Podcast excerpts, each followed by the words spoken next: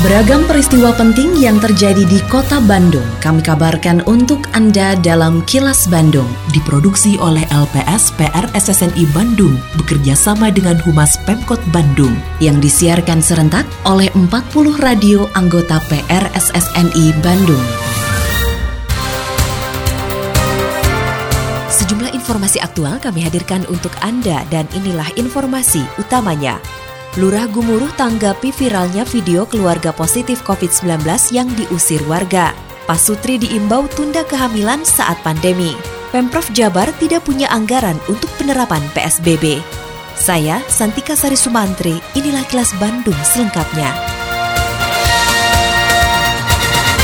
Sebuah video berdurasi 15 detik memperlihatkan satu keluarga yang positif terpapar COVID-19 di RT 03 RW 04 Kelurahan Gumuruh, Kota Bandung mendapatkan cemoohan hingga diusir oleh warga setempat viral di media sosial. Menanggapi viralnya video tersebut, Lurah Gumuruh Kota Bandung Nurma Saparini membantah keras adanya aksi tidak menyenangkan dari warga terhadap keluarga yang sedang menjalani isolasi mandiri tersebut. Yang terjadi hanyalah kesalahpahaman antara Satgas COVID-19 dan keluarga yang terpapar COVID-19.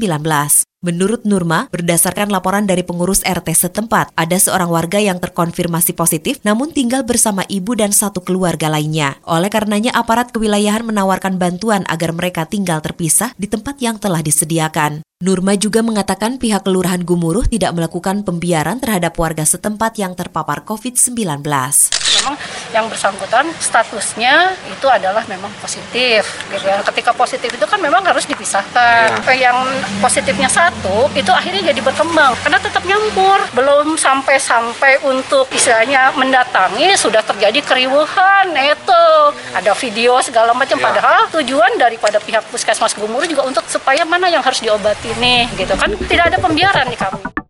Tingkat konsumsi ikan masyarakat kota Bandung masih rendah, meski pasokan ikan dan bahan pangan lainnya dalam kondisi mencukupi. Rendahnya konsumsi ikan tersebut diduga karena masih minimnya tingkat literasi masyarakat terhadap makanan bergizi. Konsumsi ikan dan literasi gizi semakin menurun, terlebih di masa pandemi ini. Kepala Dinas Ketahanan Pangan dan Pertanian atau DKPP Kota Bandung Gingin Ginanjar mengatakan, sebagai upaya meningkatkan konsumsi ikan dan literasi gizi warga Kota Bandung, pihaknya menyosialisasikan gerakan gemar makan ikan dan minum susu ke pesantren dan yayasan. Menurut Gingin, kampanye gerakan ini juga sebagai upaya meminimalkan angka stunting di Kota Bandung. Dilihat dari sisi ketersediaan untuk ikan termasuk pangan yang lainnya sebenarnya kota Bandung bisa dikatakan cukup kalau tingkat ketersediaan. Nah hanya memang tingkat konsumsinya yang menurun. Nah ini kita sedang coba melakukan uh, apa uh, telahan. Tapi dari hasil tadi kajian salah satu kajian menunjukkan bahwa memang karena pengetahuan literasi terhadap makanan yang bergizi kurang warga kota Bandung nah kemungkinan akhirnya juga tingkat konsumsi atau kemampuan untuk mengkonsumsi juga berkurang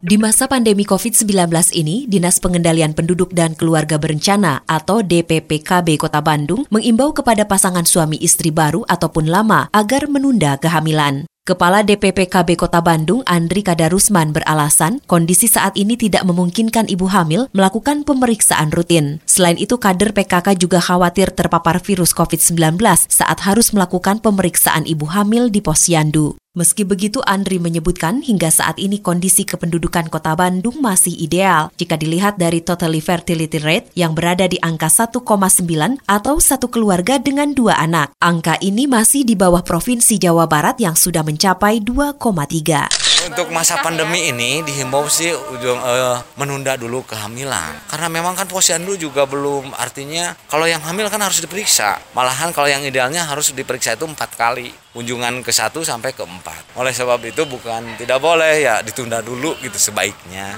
Karena di rumah sakit juga penuh gitu kan saat sekarang ini. Pelayanan belum penanganan covid juga ya. Belum yang hamil karena yang terpapar. Kalau tidak salah dinkes ya yang punya datanya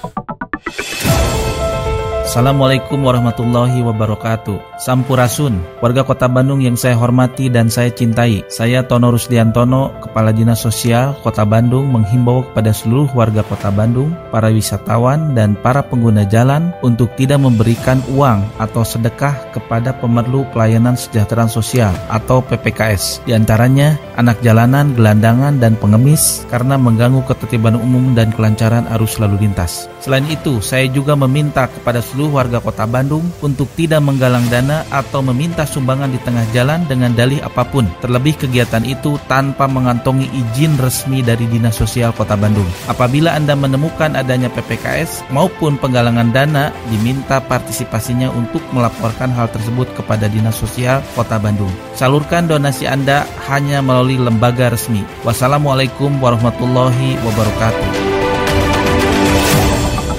Sebanyak 212 tenaga kesehatan di Rumah Sakit Hasan Sadikin atau RSHS Bandung dilaporkan terpapar COVID-19 sejak awal Juni ini. Sebagian dari mereka yang terpapar menjalani perawatan di rumah sakit dan selebihnya menjalani isolasi mandiri. Pelaksana Harian Direktur Pelayanan Medik, Perawatan dan Penunjang RSHS, Yana Ahmad Supriyatna mengatakan, meski banyak nakes terpapar COVID, pelayanan di RSHS saat ini masih berjalan, baik untuk pasien COVID-19 dan non-COVID-19.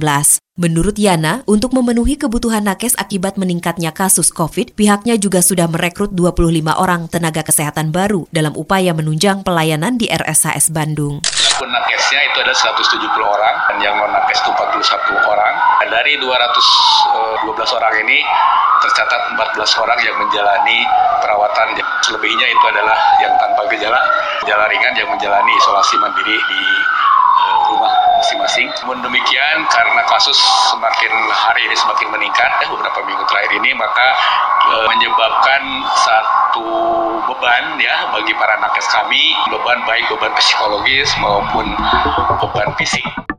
Terus meningkatnya kasus COVID-19 di Jawa Barat membuat opsi pembatasan sosial berskala besar atau PSBB kembali mengemuka. Meski begitu, Gubernur Jawa Barat Ridwan Kamil menyatakan saat ini Jawa Barat sudah tidak mempunyai anggaran untuk menopang kebutuhan masyarakat jika PSBB kembali diberlakukan. Pasalnya anggaran yang dimiliki pemerintah provinsi sudah habis digunakan untuk memenuhi keperluan lain seperti masker dan alat pelindung diri. Oleh karenanya harus ada kepastian kesiapan dukungan logistik dari pemerintah pusat. Menurut Ridwan Kamil, jika kebijakan PSBB diterapkan, maka perlu anggaran untuk mensubsidi warga yang terdampak dari penerapan kebijakan tersebut. PSBB ini harus dibarengi dengan kesiapan pangan, sembako, dan lain-lain kepada mereka yang tidak bisa melakukan WFH. Dan kami dari Jawa Barat anggaran memang sudah tidak ada. Jadi kalau pun itu diadakan, kepastian dukungan logistik dari pusat harus betul-betul uh, sudah siap baru kami akan terapkan di Jawa Barat. Kini, audio podcast siaran Kilas Bandung dan berbagai informasi menarik lainnya bisa Anda akses di laman kilasbandungnews.com.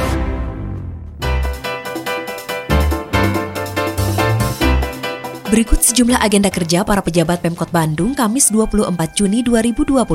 Wali Kota Oded M. Daniel meninjau pelaksanaan vaksinasi COVID-19 dari Asosiasi Pengelola Pusat Belanja Indonesia di Grand Ballroom Pullman Bandung Grand Central. Selanjutnya meninjau pelaksanaan vaksinasi COVID-19 berbasis keluarga di Gedung Sport Jawa Barat Arca Manik. Sementara itu, Wakil Wali Kota Yana Mulyana menghadiri acara donor darah dalam rangka Hari Donor Darah Internasional di Sudirman Grand Ballroom. Adapun Bandung menjawab di Auditorium Balai Kota Bandung menghadirkan narasumber dari Bapelitbang Kota Bandung, juga Dinas Kesehatan Kota Bandung, serta Dinas Tata Ruang Kota Bandung. Selain agenda kerja para pejabat Pemkot Bandung, informasi dari Humas Kota Bandung, yaitu Wali Kota Bandung Oded M. Daniel menyatakan terus berkoordinasi dengan sejumlah pihak untuk bisa menambah jumlah tempat tidur di rumah sakit. Oded mengatakan sudah meminta rumah sakit di kota Bandung untuk menambah kapasitas tempat tidurnya. Hanya saja saat ini kondisi pandemi COVID-19 masih sangat waspada, sehingga penambahan tempat tidur juga dibayangi oleh meningkatnya jumlah pasien yang masuk dalam perawatan di rumah sakit. Terlebih di kota Bandung juga turut menampung pasien dari luar daerah yang jumlahnya bisa mencapai 50 persen. Demikian agenda kerja para pejabat Pemkot Bandung dan info aktual yang diterima redaksi LPS PRS SSNI Bandung dari Humas Pemkot Bandung. Lindungi diri keluarga dan orang sekitar dari COVID-19 dengan selalu memakai masker, mencuci tangan dan menjaga jarak, serta menghindari kerumunan, juga mengurangi mobilitas. Patuhi protokol kesehatan di masa adaptasi kebiasaan baru untuk mencegah penularan virus corona.